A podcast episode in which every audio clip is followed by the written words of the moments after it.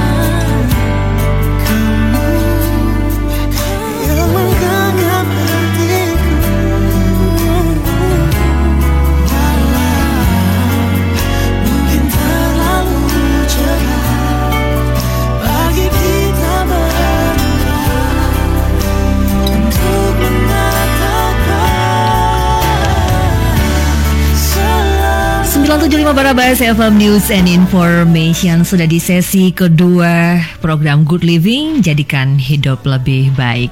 Baik mitra kota seperti yang sudah kita sounding dari kemarin lagi ya bahwa eh, setiap Kamis jam 11 sampai dengan jam 12 waktu Indonesia Barat kita akan bersama eh, Rumah Sakit Hermina Pekanbaru selama satu jam ya dan untuk hari ini 23 Januari 2020 kita akan bahas tentang hernia pada anak. Di studio eh, siang ini sudah hadir eh, Dr. Karmil SPBA, spesialis bedah anak dari Rumah Sakit Hermina Pekanbaru. Kita say hi dulu. Selamat siang dokter. Selamat siang Mbak Indi, selamat siang pendengar Barabas FM. Iya, kenapa suara dokter eh, tidak sejelas suara saya? Agak dekat ke mic coba. Kurang dekat ke mic ya. Oke. Ah, itu udah cakep ya. Oke, dokter eh, cantik ini akan menemani kita sampai jam 12 siang nanti ya. Eh, dan Anda bisa bergabung di 0822 8504 6975 jika Anda punya pertanyaan eh, atau komentar terkait dengan eh, topik obrolan kita siang ini mengenai eh, penyakit hernia pada anak. Tapi sebelum kita ke topik obrolan, mungkin dokter bisa cerita dulu eh, ini rumah sakit Hermina masih baru ya. Ini cabang ke-34 katanya yang di Pekanbaru. Iya, betul. Cabang ke-34 Mm-mm. di seluruh Indonesia. Yes. Ini yang di Pekanbaru. Mhm. Oke, eh, jadi ini eh, kalau rumah sakit Hermina ini biasanya kan identik dengan rumah sakit ibu dan anak karena logonya pun itu ada ibu menggendong anak ya. Tapi sebenarnya ini tidak hanya menangani ibu dan anak ya dok. Tidak. Jadi sekarang Uh-uh. eh, rumah sakit Hermina itu memang diawalinya dengan eh, rumah sakit Mm-mm. ibu dan anak dan sekarang itu sudah eh, menjadi rumah sakit umum. Oke. Memang tetap diunggulkan adalah eh, layanan ibu dan anak, Iya. namun kita sudah ada pelayanan umumnya juga. Mhm. Eh, jadi untuk orang dewasa, eh, orang tua juga bisa berobat ke rumah sakit Hermina. Oke, dan uh, unggulan layanannya katanya di situ ada uh, spesialis gigi, kemudian ada ICU, PICU, NICU dan juga perina ya. Betul. Dan uh, tidak ketinggalan juga klinik tumbuh kembang anak ada di sana. Jadi uh, untuk orang tua yang mungkin punya problem dengan ini bisa ke sini ya. Eh, dengan tumbuh kalau kembang anak. Tumbuh kembang, iya betul. Yes, baik. Kemudian layanan instalasi gawat daruratnya juga Mhm. kita sudah berjalan. Yep. Itu layanannya 24 jam. Oke, baik. Ya, eh, kita langsung aja ya eh, ke topik obrolan kita siang ini mengenai penyakit hernia pada anak. Jadi biasanya hernia ini kita temukan kasusnya pada orang dewasa ya dok ya, Iya. seringnya begitu. Nah, eh, mungkin bisa dijelaskan dulu dok, eh, ada yang familiar dengan eh, hernia tapi nggak tahu itu hernia itu kondisi seperti apa sih? Mungkin bisa dokter jelaskan apa sih itu hernia? Ya, jadi eh, hernia pada anak ini adalah suatu kondisi Mhm. di mana eh, dinding perut bagian dalam, jadi Iya. dinding perut bagian dalam ya, dinding perut itu kan ada yang di luar, yang kulit iya. yang kita ini, Mhm, mhm. ada ini dinding perut yang bagian dalam, Mhm. pada yang sebelah bawahnya itu, Iya. itu dia eh, kondisinya itu tidak menutup. Mhm. Jadi sebenarnya eh, dinding perut ini dinamakan prosesus vaginalis Iya. di bagian bawah Mhm, dalam ini. mhm. Eh, harusnya dia ini berperan pada saat penurunan testis Mhm. pada anak-anak. Oke. Jadi waktu di dalam kandungan testis itu kan masih beradanya di dalam perut. Iya. Kemudian saat bayi lahir harusnya testis itu sudah turun ke dalam kantung kemaluan. Mhm, mhm. Nah inilah peranan si prosesus vaginalis ini dalam penurunan testis. Iya. Jadi eh, saat bayi lahir harusnya testis itu sudah berada di dalam kantung kemaluan Hmm. dan si prosesus vaginalis yang awal yang berperan dalam penurunan ini harusnya Hmm. dia menutup, tidak lagi berfungsi. Iya. Namun pada beberapa keadaan dia Hmm. terjadi kegagalan penutupan sehingga terjadilah kondisi yang kita sebut hernia itu. Oh, Oke. Nah ini apakah ada perbedaan hernia pada anak dengan eh, pada orang dewasa dok? Ya, hernia pada anak ini berbeda dengan hernia orang dewasa. Hmm. Eh, jadi orang tua memang sering kaget ya, Iya. kok masih kecil anak Udah kena hernia gitu Iya, ya. Karena seringnya memang awam itu taunya hernia itu pada orang dewasa dan Aha. malah dewasa tua. Iya. Nah, jadi kalau hernia pada anak ini berbeda. Jadi hernia pada anak ini eh, dia merupakan kelainan bawaan karena dia sejak eh, yang tadi saya jelaskan itu karena kegagalan penutupan si prosesus vaginalis itu. Jadi Iya, memang iya, dia iya. sudah dibawa sejak dia lahir, Mm, mm, mm. memang sudah ada si lubangnya itu. Mm, mm, mm. Hanya saja mungkin belum memberikan gejala sejak lahir. Iya. Tergantung kapan si lubangnya itu terisi oleh Hmm. benda-benda dari dalam perut, Mm, mm, Entah oleh mm. usus, entah oleh kalau anaknya perempuan itu diisinya kadang masuk ke situ oleh eh, apa indung telurnya atau Iya, ovariumnya iya. Mm, mm. gitu. Jadi dia munculnya bisa kapan aja, tapi sebenarnya dia sudah dibawa sejak lahir. Mhm. Nah, kalau hernia dewasa, dia itu kelainannya bukan kelainan bawaan, Mm-mm. tapi kelainan didapat. Jadi didapat memang terjadi eh, setelah setelah lahir ya jadinya kalau dewasa itu. Jadi makan setelah usianya biasanya dewasa tua.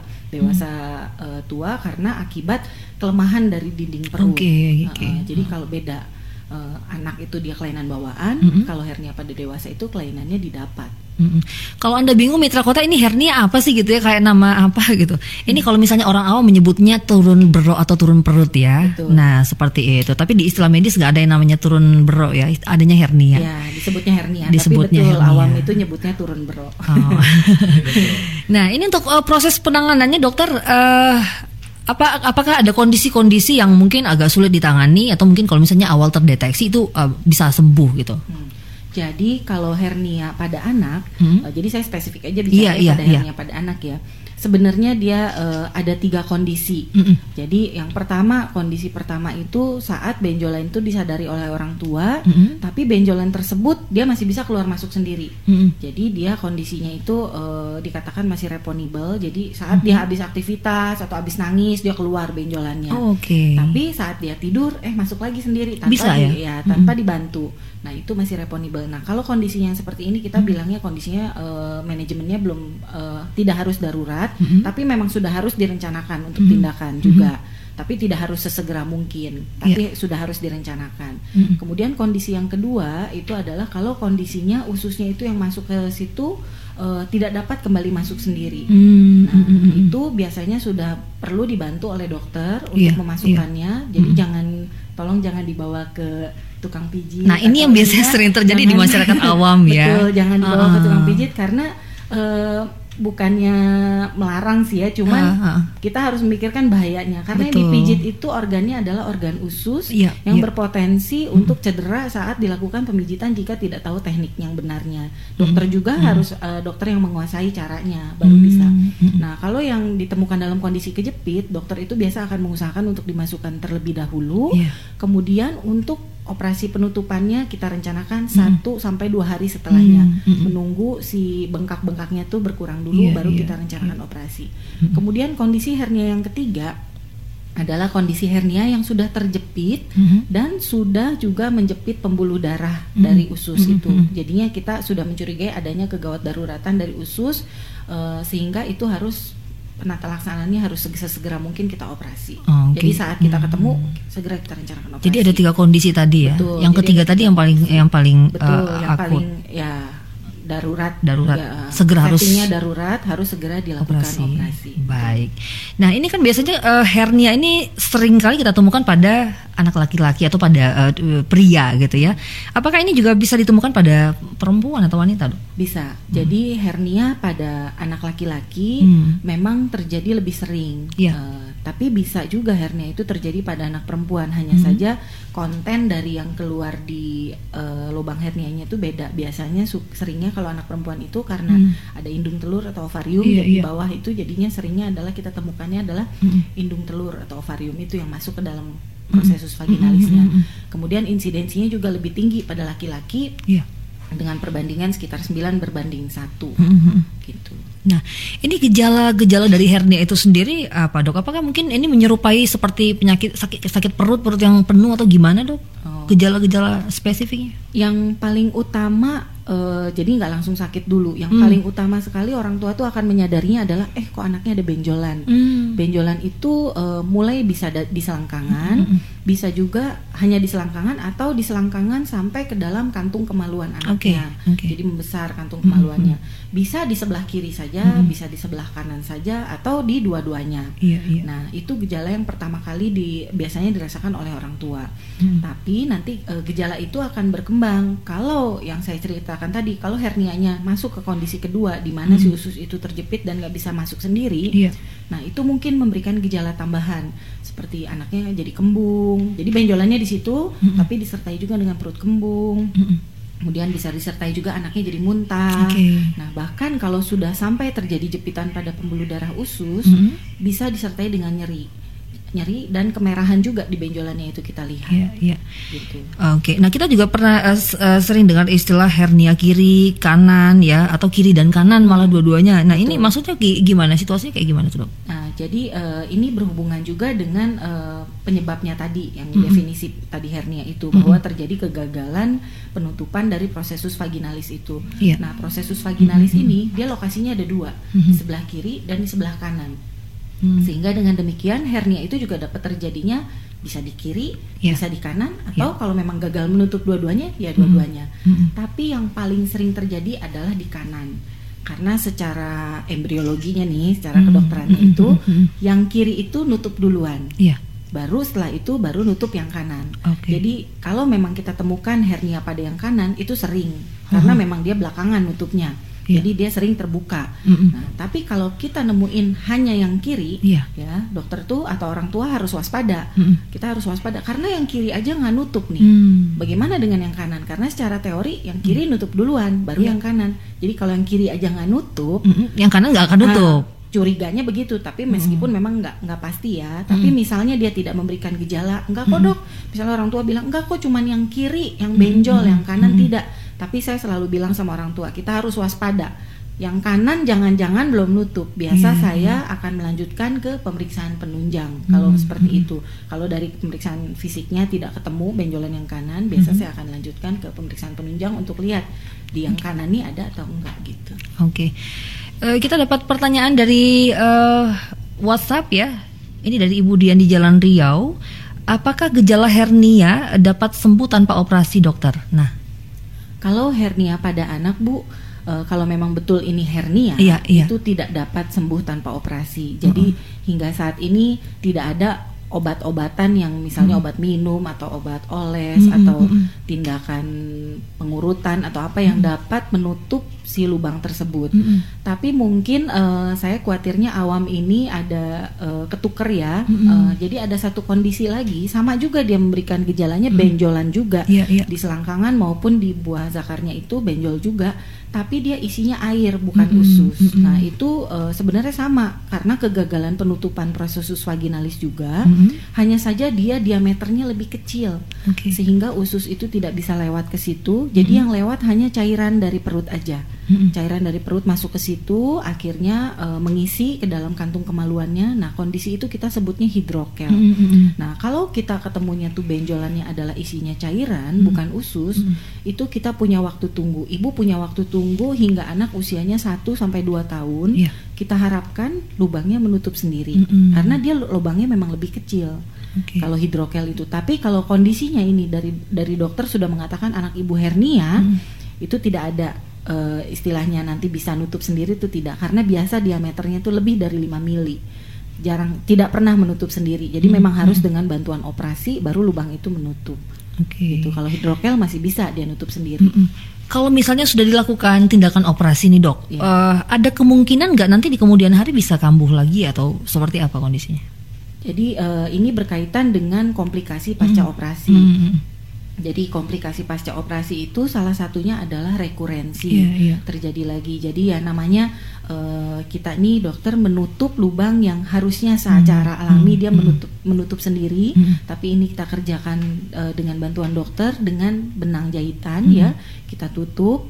Nah namanya rekurensi itu masih mungkin terjadi walaupun Hmm. memang angkanya kecil sekali. Mhm. Biasa eh, berkaitan dengan eh, gizi anaknya juga Iya. kemudian dengan eh, si kualitas benang juga gitu ya Hmm, biasa sih memang hmm. kita mengusahakan pasti kualitas benang yang terbaik Hmm. tapi ya kan eh, kita nggak bisa 100% jamin ya Hmm. tetap saya akan informasikan pada pasien bahwa kemungkinan rekurensi itu ada namun Hmm. kecil sekali Kecil kemungkinan, sekali ya. kemudian atau misalnya setelah operasi anaknya menderita batuk lama misalnya Hmm, batuk hmm. yang keras sekali gitu Iya, kan jadi iya. tekanan dalam perutnya tinggi Hmm. jadi jahitan itu akhirnya terlepas nah itu bisa terjadi lagi Oke. gitu. Baik, Mitra Kota nanti Anda juga masih punya kesempatan untuk eh, ini ya bertanya terkait dengan penyakit hernia pada anak. Kalau pada dewasa boleh ada yang nanya juga nggak dok? Dewasa saya usahakan tapi Ah, mungkin tapi eh, khususnya nanti ini lebih ke anak ya, anak, hernia ya. pada anak. Oke, eh, nanti Anda bisa bergabung Mitra Kota via telepon, SMS dan juga WhatsApp di nomor eh, di satu nomor saja 0822 850467975. Kalau ada yang belum save, eh, save dulu nomornya ya. Nanti bisa via WhatsApp, SMS dan juga telepon. Kita break dulu. Nanti kita masih akan kembali bersama Dr. Karmil SPBA spesialis bedah anak dari Rumah Sakit Hermina tetap di Barabas 975 FM. Good Living bersama Rumah Sakit Hermina Pekanbaru.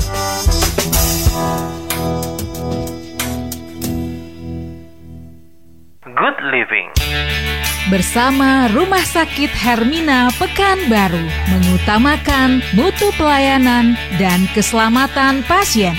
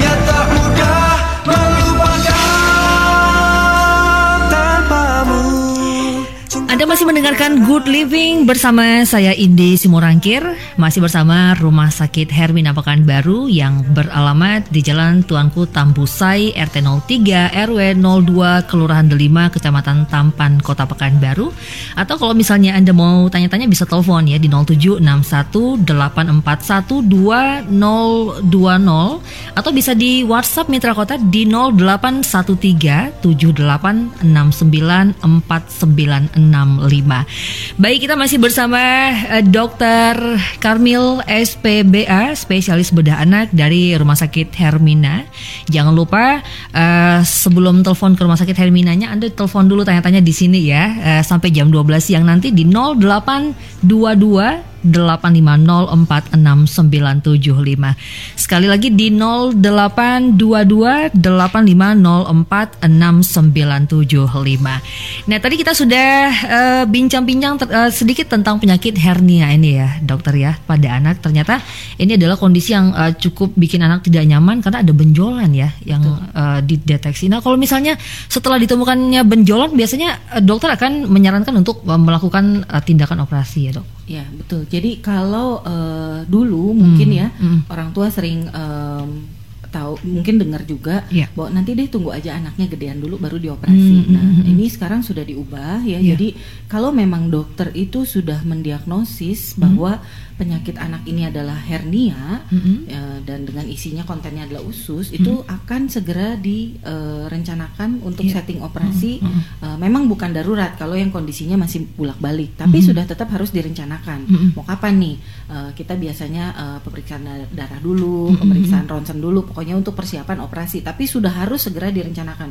Mau itu ditemukannya saat bayi pun Mhm. itu Mhm. udah harus segera direncanakan. Kenapa kita nggak lagi menunggu sampai anaknya usianya agak gede dulu atau Iya, berat iya. badannya Mhm. cukup dulu Mhm. gitu nggak lagi karena eh, kemungkinan komplikasi yang mungkin terjadi jika kita tidak segera melakukan penutupan itu jauh lebih besar Mhm. yaitu jika sampai usus itu masuk dan terjepit Mhm. sehingga usus itu bahkan kalau paling parahnya sampai terjadi kebocoran usus Iya. itu akan lebih besar lagi eh, apa dampaknya Mhm. jadi eh, karena alasan itulah jadi dokter tidak lagi menunggu Mhm. Mhm. untuk eh, operasi hernia kalau ketemunya bayi ya kita kerjakan pada saat usia bayi cuma bedanya aja paling nanti settingnya apakah operasinya eh, darurat Mhm. atau dengan persiapan. Oke. Kalau yang darurat itu yang saya jelaskan tadi kalau ketemu-ketemu sudah kejepit ya itu Mhm. udah kita udah settingnya darurat. Segera saat itu juga kita harus operasi. Segera ya. Uh, tapi Mhm. kalau settingnya itu masih dia uh, bulak-balik, benjolannya keluar masuk, itu bolehlah keluarganya baru mau 2-3 hari lagi baru mau operasi Mhm. itu masih boleh. Tapi sudah Iya. terencana Iya, iya, akan iya, iya, operasi iya. gitu. Nah, eh, jadi kalau misalnya ditemukan benjolan, terus orang tuanya eh, memutuskan untuk nanti tunggu dulu deh, tunggu anaknya gede. Jadi ini sebenarnya bisa menunggu apa enggak sih dok? Tidak tidak disarankan untuk menunggu. Kalau misalnya eh, menunggu akhirnya gitu ya, t- kedaruratannya belum terlalu gimana gitu ya. Nah itu berapa lama eh, sebenarnya eh, tenggat waktunya sampai akhirnya dia kejepit atau gimana kondisi yang parah gitu dok? dokter tidak akan men- menyarankan untuk menunggu karena Mhm. Eh, kita dokter juga kita tidak pernah tahu kapan si usus ini akan masuk dan Mhm. eh, dalam kondisi stuck dia di situ terjepit. Mhm. Jadi dokter tidak akan pernah menyarankan menunggu, eh, tapi biasa kita beritahu keluarga tanda-tanda darurat Mhm. jika memang terjadi jepitan usus itu. Jadi Mhm. misalnya keluarga nanti deh dok mau nunggu dulu eh, seminggu atau apa, oke Iya. misalnya Mhm. misalnya seminggu Mhm. pun biasa kita kasih tahu bu, tapi misalnya nanti terjadi kondisi di mana benjolan ini turun dan menetap, Mhm. tidak bisa masuk lagi sendiri. dan juga ditambah dengan keluhannya anaknya rewel, perutnya jadi kembung. Nah, itu udah ibu nggak bisa nunggu lagi, udah harus langsung segera bawa rumah sakit untuk segera kita lakukan tindakan. Nah, kalau masyarakat awam kan masih eh, pakai metode urut itu ya. Kalau eh, hernia mungkin bah- bahkan ada yang awam dengan eh, hernia tapi nger- ngerti kalau misalnya oh, turun berok atau turun perut gitu ya. Nah, udah ke bude urut aja gitu. Kalau Iya. misalnya eh, ya kita sih nggak jelek-jelekin yang tradisional Iya, ya, betul. tapi kan itu seringnya masyarakat sampai sekarang pun di era yang modern seperti sekarang eh, masih, Masih, kita temukan betul. bahwa turun perut itu dengan cara teknik diurut. Karena Betul. mungkin mereka agak menghindari operasi. serem kalau Iya, operasi gitu ya. betul. Nah, eh, ternyata ini ya eh, tidak Beresiko, membaik, betul. beresiko. Nah, akhirnya ke dokter juga, ujung-ujungnya ke medis. Pernah ketemu kasus seperti itu nggak dok? Pernah. Jadi eh, ketemu-ketemu tuh eh, benjolannya itu ternyata orang tua sudah menyadari bahwa dari kecil tuh sudah ada benjolan. Tapi kok datang-datang usianya udah enam tahun gitu kan. Jadi saya tanya, jadi selama ini diapain aja benjolannya? Dibawa ke tukang urut dan memang berhasil naik lagi gitu kan. Sebenarnya kalau memang kondisinya reponibel, tidak usah dibawa ke tukang urut pun saat anak tidur atau kakinya agak dinaikin sedikit, anak istirahat, anak tenang, biasanya dia akan masuk sendiri Oh gitu. gitu. Kalau memang kondisinya masih reponibel, Hmm. jadi ya memang waktu itu kondisinya eh, orang tua akhirnya sudah dibawa ke dokter karena memang tidak dapat lagi masuk sendiri. Hmm. Karena memang kalau sudah semakin besar ususnya Hmm. butuh teknik khusus untuk memasukkannya kan dan mungkin tukang urutnya waktu itu sudah gagal untuk memasukkan. Tapi tidak Sudah. dianjurkan karena resikonya itu sih yang saya Iya, khawatir. iya. Karena usus ini eh, organ yang fragile ya, yang Hmm, rapuh. iya, benar-benar. Dindingnya itu juga bukan tebal, Ah. bukan kulit ya seperti kulit tangan Eh, kita iya. atau kulit kaki kita. Jadi dia tipis, kemudian berbahaya sekali potensi eh, bisa pecah Mm-mm. kalau dilakukan pengurutan tidak dengan teknik yang benar. Iya, iya. Jadi dokternya dapatnya dari apa ya? Dari eh, apa sih?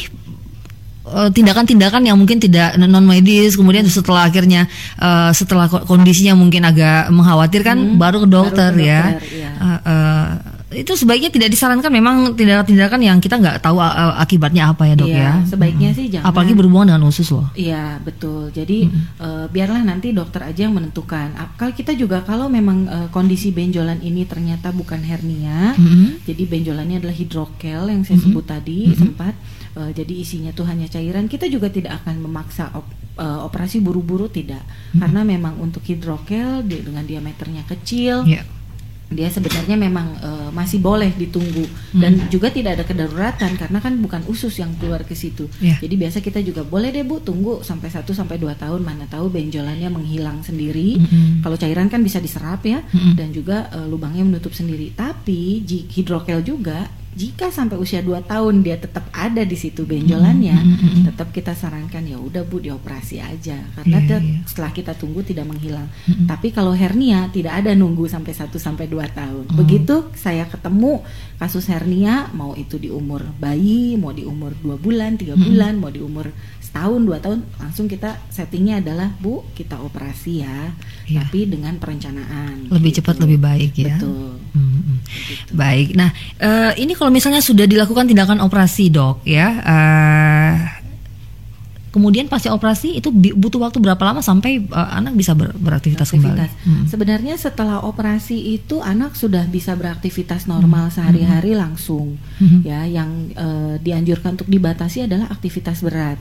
Eh, seperti misalnya kalau anaknya udah agak besar, kita anjurkan jangan main sepeda dulu ya, Hmm. Hmm. jangan main sepak bola, gitu. Jangan dulu aktivitas berat. Tapi kalau aktivitas sehari-hari, anaknya jalan, pergi sekolah, itu boleh.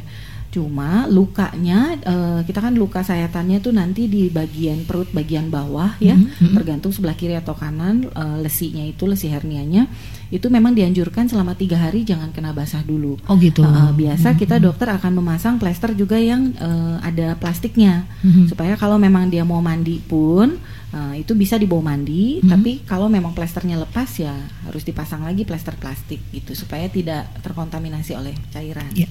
Nah kembali lagi ke benjolan eh, di seputaran selangkangan itu kalau bisa ditemukan, eh, apakah itu dipastikan eh, itu pasti hernia atau gimana dok?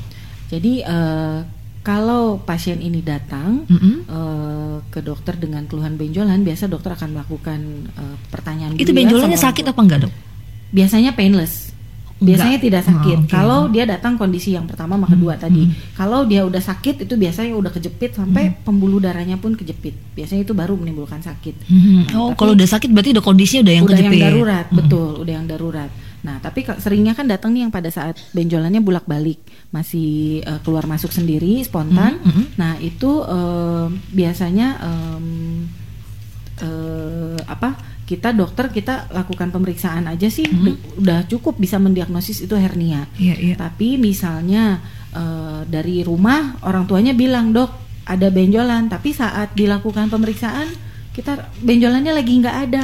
Bisa- nggak- pernah ada kasus seperti itu ya? Lagi masuk Heeh, gitu kan. Nah atau eh, ibunya bilang dok benjolannya cuma di kiri kok, yang kanan mah nggak benjol. Nah itu saya kan eh, berdasarkan yang tadi saya ceritakan sebelumnya bahwa secara teori yang kiri ini nutup dulu loh, Iya. baru yang kanan. Mhm. Kayaknya kalau yang kiri ini nggak nutup, yang kanan juga harusnya ada. Mhm. Nah biasanya saya akan anju- tapi ibunya otot gitu ya, maksudnya kekeh bilang bahwa yakin eh, kanan mah nggak ada, hanya ada yang kiri.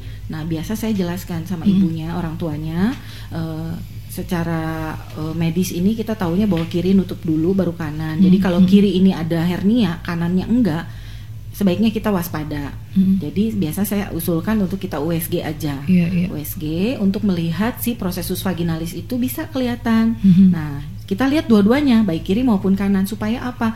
Kalau kita udah operasi yang kiri ternyata kemudian hari baru muncul yang kanan kan jadi dua kali operasi Hmm, ya. iya, iya, Tapi iya. kalau kita USG, oh udah langsung ketahuan oh iya bener dok. Ternyata memang yang kiri itu eh, terbuka dan kanan terbuka tapi yang masuk usus hanya yang kiri, yang kanan nih terbuka tapi dia nggak ada sesuatu yang masuk ke situ. Jadi tidak menimbulkan gejala.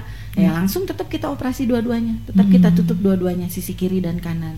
Jadi itu keuntungannya kalau kita eh, melakukan pemeriksaan penunjang. Oke, ada yang eh, mungkin bertanya via telepon coba kita terima dulu. Halo Baraba, selamat siang. Oh, selamat siang. Selamat Mbak. siang dengan Ibu siapa, maaf? Ini dengan Ibu Rami. Ibu Rani. Iya, Iya, silakan Ibu Rani pertanyaannya. iya eh, kebetulan saya baru mendengar ini Mm-mm. tentang hernia ya. Iya, iya. Nah, ini yang saya mau tanyakan. Itu kan kalau hernia itu biasanya ada benjolan-benjolan gitu. Mm-mm, Tapi saya tadi belum tahu penjelasannya seperti apa. Itu penyebabnya sebenarnya apa sih eh, Mbak atau dokter gitu? Maksudnya penyebabnya. Terus Oke. dulu saya juga punya keponakan. Mm-mm. Nah, kemudian dia hernia gitu. Lalu kan dioperasi waktu Mm-mm. umur 2 tahun kalau Oke, nggak salah. iya, iya. Nah itu eh, dia sekarang baru umur berapa tahun? Itu Mm-hmm. nanti ke depannya gimana ya? Maksudnya kondisi eh, secara fisik keponakan saya itu seperti apa? Sekarang umur keponakannya berapa tahun, Bu Rani? sekarang umurnya enam tahun, Enam tapi dia tahun. waktu dioperasi kan Umur dua umurnya tahun. dua tahun waktu itu. Eh, eh, biar saya juga Mhm. bisa kasih tahu ke mamahnya nanti. gitu. Oh, Jadi, oke. Seperti apa setelah fase operasi ke depannya, maksudnya setelah dewasa ada gangguan nggak dengan Oh, oke. eh, kemampuannya nanti sebagai seorang laki-laki itu aja. Baik, baik. Bu Oke, Rani terima Mbak. kasih. Selamat Terima siang. kasih, selamat siang.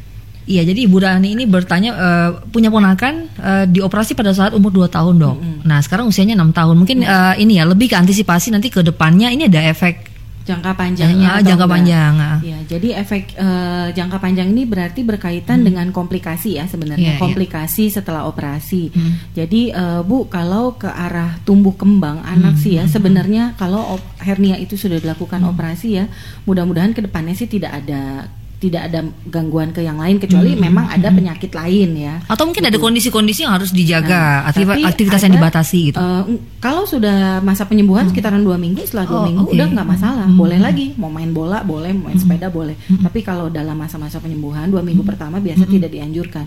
Tapi kalau sekarang umurnya udah enam tahun, kemudian eh, ibu khawatir misalnya gangguan pertumbuhan itu harusnya sih tidak terjadi.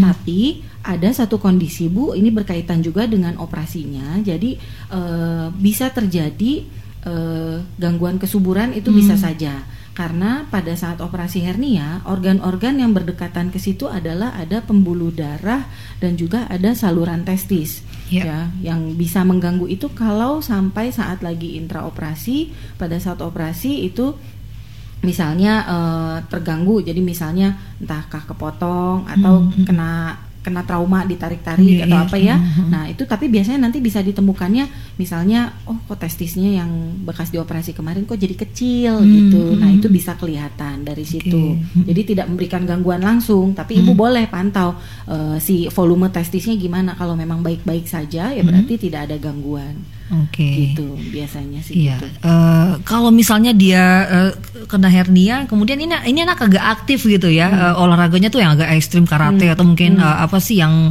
eh, bela diri gitu, itu boleh masih boleh nggak sih? Hmm. Masih dok? boleh, masih boleh. Agak takut pasti orang tua yang punya anak hernia pernah operasi Boleh. dan Boleh Hmm. apalagi ini di- misalnya pada kasus anak ibu eh keponakan ibu ya Hmm. eh, umurnya 2 tahun saat dioperasi Iya, sekarang iya. umurnya udah 6 tahun. Enam tahun. Nah, pasti itu jahitan itu sudah dan si proses vaginalis itu pasti sudah nempel dengan baik sekian Hmm, lama. jadi itu. eh, pokoknya intinya nggak ada yang perlu dikhawatirkan yang kalau perlu sudah. dikhawatirkan, betul. Yang harus dikhawatirkan itu kalau belum operasi ya. Betul, kayak yang belum dikhawatirkan Hmm. kalau ibu belum dioperasi, nah eh, benjolnya masih keluar masuk, yakin Hmm. aja aman-aman. Katanya kita tidak pernah tahu amannya itu kapan sampai kapan. Ah, Oke, Gitu. baik kita break dulu Mitra Kota nanti kita masih akan lanjut eh, bincang-bincang dengan Dr. Karmil SPBA spesialis bedah anak dari Rumah Sakit Hermina Pekanbaru. Jangan ke mana-mana, tetap di Good Living, jadikan hidup lebih baik.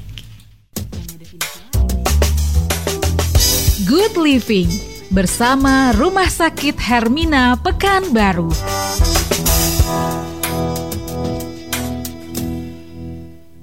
Good Living.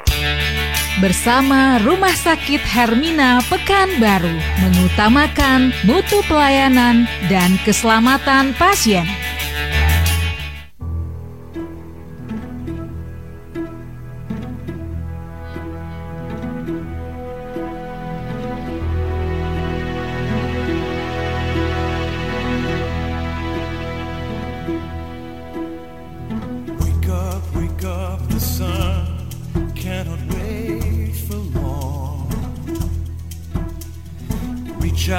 Reach out before it fades away. You will find the warmth when you surrender. Smile into the fear and let it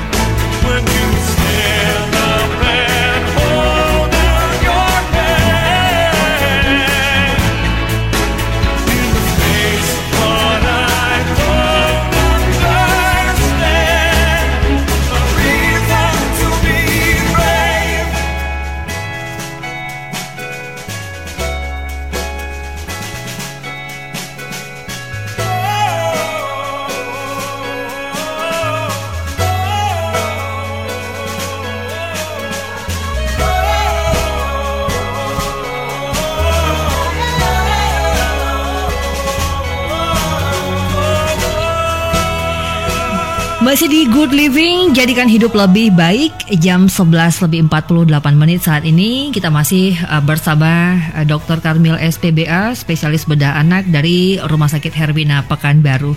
Rumah Sakit Hermina Pekanbaru ini mitra kota menerima pasien umum baik laki-laki, perempuan maupun juga pasien anak ya.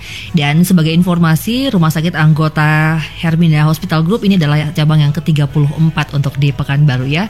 Yang 35 itu di Kendari ya. Itu adalah anggota yang paling bungsu. Oke, eh, masih bersama Dr. Karmil, eh, SPBA spesialis bedah anak ya. Sudah di menit akhir sebenarnya, tapi kalau misalnya ada yang masih punya pertanyaan, Anda masih bisa eh, kirimkan di 0822 85046975 ya. Kalau misalnya mau eh, langsung ke rumah sakit Herminanya, Anda bisa datang ke Jalan Tuanku Tambusai RT 03 RW 02 Kelurahan Delima Kecamatan Tampan Kota Pekanbaru atau bisa WhatsApp di 081378694965. Oke, eh, cukup mencerahkan dok kedatanganmu di studio siang ini bahwa eh, ternyata kalau misalnya kita turun berat atau turun perut itu jangan diurut ya dok Iya, ya. betul. Padahal itu yang awam sering sekali terjadi. Oh, Iya. udah bawa tukang urut gitu ya. Hmm. Nah ini masih ada telepon, masih boleh kita handle Boleh, satu ya. boleh. Oke, halo Baraba selamat siang. Selamat siang Mbak. Selamat siang dengan siapa bapak? Dengan Agus. Pak Agus. Ya. Oke Pak Agus, di sini ada Dokter Karmil SPBA dari Rumah Sakit Hermina. Eh, ada yang mau ditanyakan? Silakan Pak. eh yang mau saya tanyakan, saya usia saya 35 tahun saat ini. Mhm, mhm. Itu saya eh, mohon maaf ini agak apa ya dok? Mhm. Eh, memiliki kelainan eh, testis yang Iya. satu. Kelainannya berupa gimana Pak? Kemudian ada benjolan di bukan di eh, selangkangan sih tepatnya, tapi Oke. di perut bagian bawah sebelah Oke. kanan. Mhm, mhm. itu yang sampai saat ini saya juga belum pernah cek ke Iya.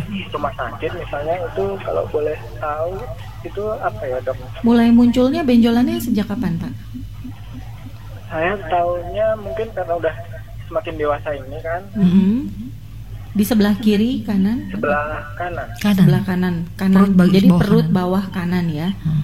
iya Heeh, jadi bukan dari kecil Bapak menyadari benjolan itu bukan ya?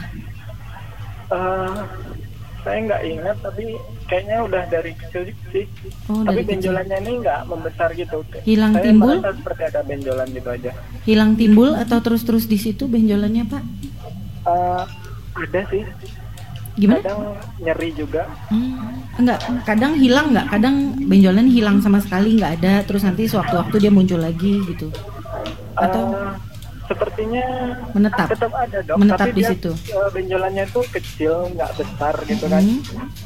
jadi dia nggak nampak benjol tapi ketika agak diraba atau dipegang gitu terasa ada benjolan benjolan. Oh iya. Eh, kita sih belum bisa bilang pasti ini kondisi bapak hernia kalau menurut saya.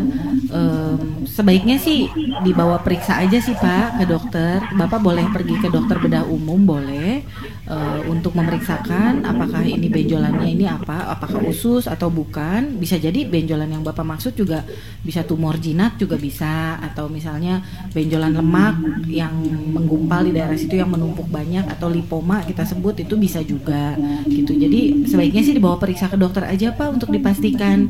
Nanti dokter itu eh, melalui pemeriksaan eh, bisa di apa diperkirakan penyebabnya ini apa benjolannya atau misalnya diperlukan pemeriksaan tambahan nanti penunjang bisa diarahkan bapak. Jadi nggak salah nanti bapak periksa penunjangnya apa gitu. Jadi sebaiknya ke dokter bedah umum aja pak. Oh gitu ya Ke langsung ke spesialis ke dokter spesialis spesialis bedah umum di rumah sakit Hermina ada kok pak dokter spesialis bedah umum. Karena bapak kan usianya udah 30 35. lebih ya. kalau bapak ke saya nanti kalau saya hanya menanganinya bedah yang anak-anak. Tapi kalau eh, eh, 30 ke atas bapak bisa ke dokter bedah umum. Eh, itu ada pelayanannya di rumah sakit Hermina juga ada kok pak oke Nah, eh, biar nanti dilakukan pemeriksaan dulu. Kalau misalnya dengan pemeriksaan tangan dokternya aja udah bisa memperkirakan ini apa, ya mungkin tidak dilanjutkan pemeriksaan lanjutan. Tapi misalnya masih meragukan juga ini benjolannya apa, mungkin dilanjutkan pemeriksaannya entahkah disuruh diminta USG atau apa nanti tergantung dokternya aja pak yang mengarahkan. oke Gitu. Makasih banyak dok. Ya, Mohon maaf mari, Pak. kalau bukan anak-anak ini. Nggak apa-apa, Pak. Nggak apa-apa. Oke, Pak Agus ada lagi? Itu aja sih. Pak Agus sudah tahu rumah sakit Hermina di mana? Pak, eh, Pak Agus sudah tahu di mana alamat rumah sakit Hermina? Eh, sebagai informasi saya eh, kasih tahu di Jalan Tuanku Tambusai, Pak ya. Ah ya. Ah, Oke, Pak Agus, terima kasih. Selamat siang. Ya, terima kasih Pak siang mbak. Agus. Makasih. Iya, jadi eh, kalau misalnya tidak terdeteksi, tidak teraba oleh dokter secara ini ya manual, jadi ada pemeriksaan, Pemeriksaan- lanjutan. pemeriksaan lanjutan. Ini biasanya menggunakan USG, ya, USG dok ya. Ah, Oke. iya. Baik. Nah, ini sudah sepertinya Pak Agus adalah penelpon terakhir eh, dan sekaligus penanya terakhir ya eh, siang ini. Eh, jadi untuk lebih lanjutnya bisa datang ke rumah sakit Hermina. Ya, oh ya, kita juga mau kasih tahu jadwal prakteknya dok ya di rumah sakit Hermina. Kalau misalnya mungkin anda mau periksakan anak eh, yang terindikasi terkena hernia, boleh dok? Boleh, boleh. Hmm. Saya praktek Hari apa, dari hari Senin sampai hari Jumat Mhm. Di Rumah Sakit Hermina jam eh, jam 2 sampai jam 4 sore. Mhm, mhm. Kemudian kalau hari Sabtu Iya. saya eh, dari jam 8 sampai jam 10 pagi. Pagi, ya. Heeh, sedangkan kalau untuk layanan kasusnya darurat, Mhm. misalnya eh, ibu ada keluhan anaknya benjolannya ini sudah keluar dan tidak dapat masuk sendiri lagi, Mhm. itu eh, tidak usah daftar ke poli, daftar aja ke layanan gawat daruratnya. Mhm. Eh, nanti itu 24 jam. Saya pasti eh, dipanggil dan saya harus siap 24 jam. Yes. Oke. Nah, mungkin terakhir ada yang ingin disampaikan dok untuk yang di rumah sedang mendengarkan tapi nggak sempat nanya, tapi eh, sebenarnya penasaran kalau misalnya eh, misalnya mengalami kasus seperti ini harus seperti apa? Nggak boleh ke tukang urut lagi kalau gitu ya? Iya. Heeh. Jadi eh, Jangan diurut. Saya sekalian rangkum aja kali ya Mbak ya. Dok. Jadi kondisi hernia pada anak, ibu harus eh, orang tua ini harus menyadari bahwa kondisinya ini berbeda dengan dewasa Hmm, ya. hmm, hmm. Jadi pada anak-anak ini dia memang suatu kelainan bawaan yang memang sebenarnya dari lahir. Hmm, Iya. Hanya tinggal gejalanya aja munculnya kapan beda-beda. Hmm, Ada yang hmm, dari hmm. bayi, ada yang mungkin setelah umur anaknya berapa tahun baru muncul. Nah, Hmm. itu semua hernia sama pada Iya, anak. iya. Semuanya kelainan bawaan. Dan eh, semua penanganannya adalah operasi. Hmm. Tidak ada jalan lain dengan obat-obatan atau dengan teknik pengurutan itu Mm-mm. eh, kemudian lubang hernianya bisa menutup sendiri, tidak Iya. bisa. Mm. Dokter pun mungkin akan melakukan pengurutan tapi hanya untuk menyelamatkan aja sementara Iya, supaya iya. usus tidak terjepit lebih lanjut. Mhm. Ya, teknik mengurutnya pun khusus, itu Iya. dokter harus mengu- uh, beberapa dokter yang menguasai yang bisa Mhm. mengurut. Mhm. Nah, kemudian itu pun harus ditindaklanjuti selanjutnya dengan tindakan operasi. Operasi ya. Jadi eh, saya tidak menganjurkan jika orang tua eh, membawa anaknya dengan benjolan hernia ini em, ke tukang urut, ya memang pasti bisa masuk lagi ya kemungkinan Oke. bisa masuk lagi. Tapi kita yang kita khawatirkan adalah resiko yang mungkin terjadi akibat pengurutan tersebut lebih besar daripada penyakit hernianya sendiri. Yes, benar. Mm-mm. Awalnya kalau hernianya sendiri operasinya lukanya hanya kecil, tapi Iya. kalau misalnya akibat diurut terjadi kebocoran, akhirnya Hmm. malah harus eh, luka operasinya harus besar karena kita harus bersihkan semua isi ususnya itu. Mhm, mhm. Gitu. Jadi saran saya kalau memang ditemukan keluhan seperti ini, ya memang tidak usah ragu juga Iya. ya. Kita dokter spesialis bedah anak pasti eh, siap melakukan tindakan, mau itu eh, bayi pun Hmm. eh, memang kalau memang harus dikerjakan ya kita pasti harus kerjakan. Baik. Karena yang terbaik demikian. Yes. Ya mudah-mudahan tercerahkan ya Mitra Kota dan eh, Dokter Karmil terima kasih Terima sudah kasih, Mbak Indi. Terima kasih. saya sendiri juga tercerahkan sekali dengan bincang-bincang kita eh, siang ini ya. Minggu depan dengan topik yang berbeda. Ya, minggu Ah. depan topik berbeda Oh, oke. dengan menghadirkan spesialis yang berbeda juga. Ah, Oke. Yang sama. Ah, ah, Ya, pokoknya rumah sakit Hermina. Ru- Rumah Sakit Hermina ya. Pokoknya setiap hari Kamis Mitra Kota di Good Living jam 11 sampai dengan jam 12 waktu Indonesia Barat Anda bisa dengarkan bincang-bincang kita bersama dokter-dokter dari Rumah Sakit Hermina Pekanbaru dengan topik yang berbeda-beda pasti eh, yang pasti cukup mencerahkan eh, ya eh, untuk eh, sebagai wawasan Anda tentang kesehatan. Baik Indi Simorangkir yang bertugas di Good Living untuk edisi hari ini eh, Kamis 23 Januari 2020 dan juga Dokter Karmil SPBA dari Rumah Sakit Hermina pamit. Terima kasih untuk kebersamaannya. Selamat siang dan abadikan kami di hati Anda. Good Living bersama Rumah Sakit Hermina Pekanbaru. Setiap Kamis jam 11 siang. Rumah Sakit Hermina Pekanbaru mengutamakan mutu pelayanan dan keselamatan pasien.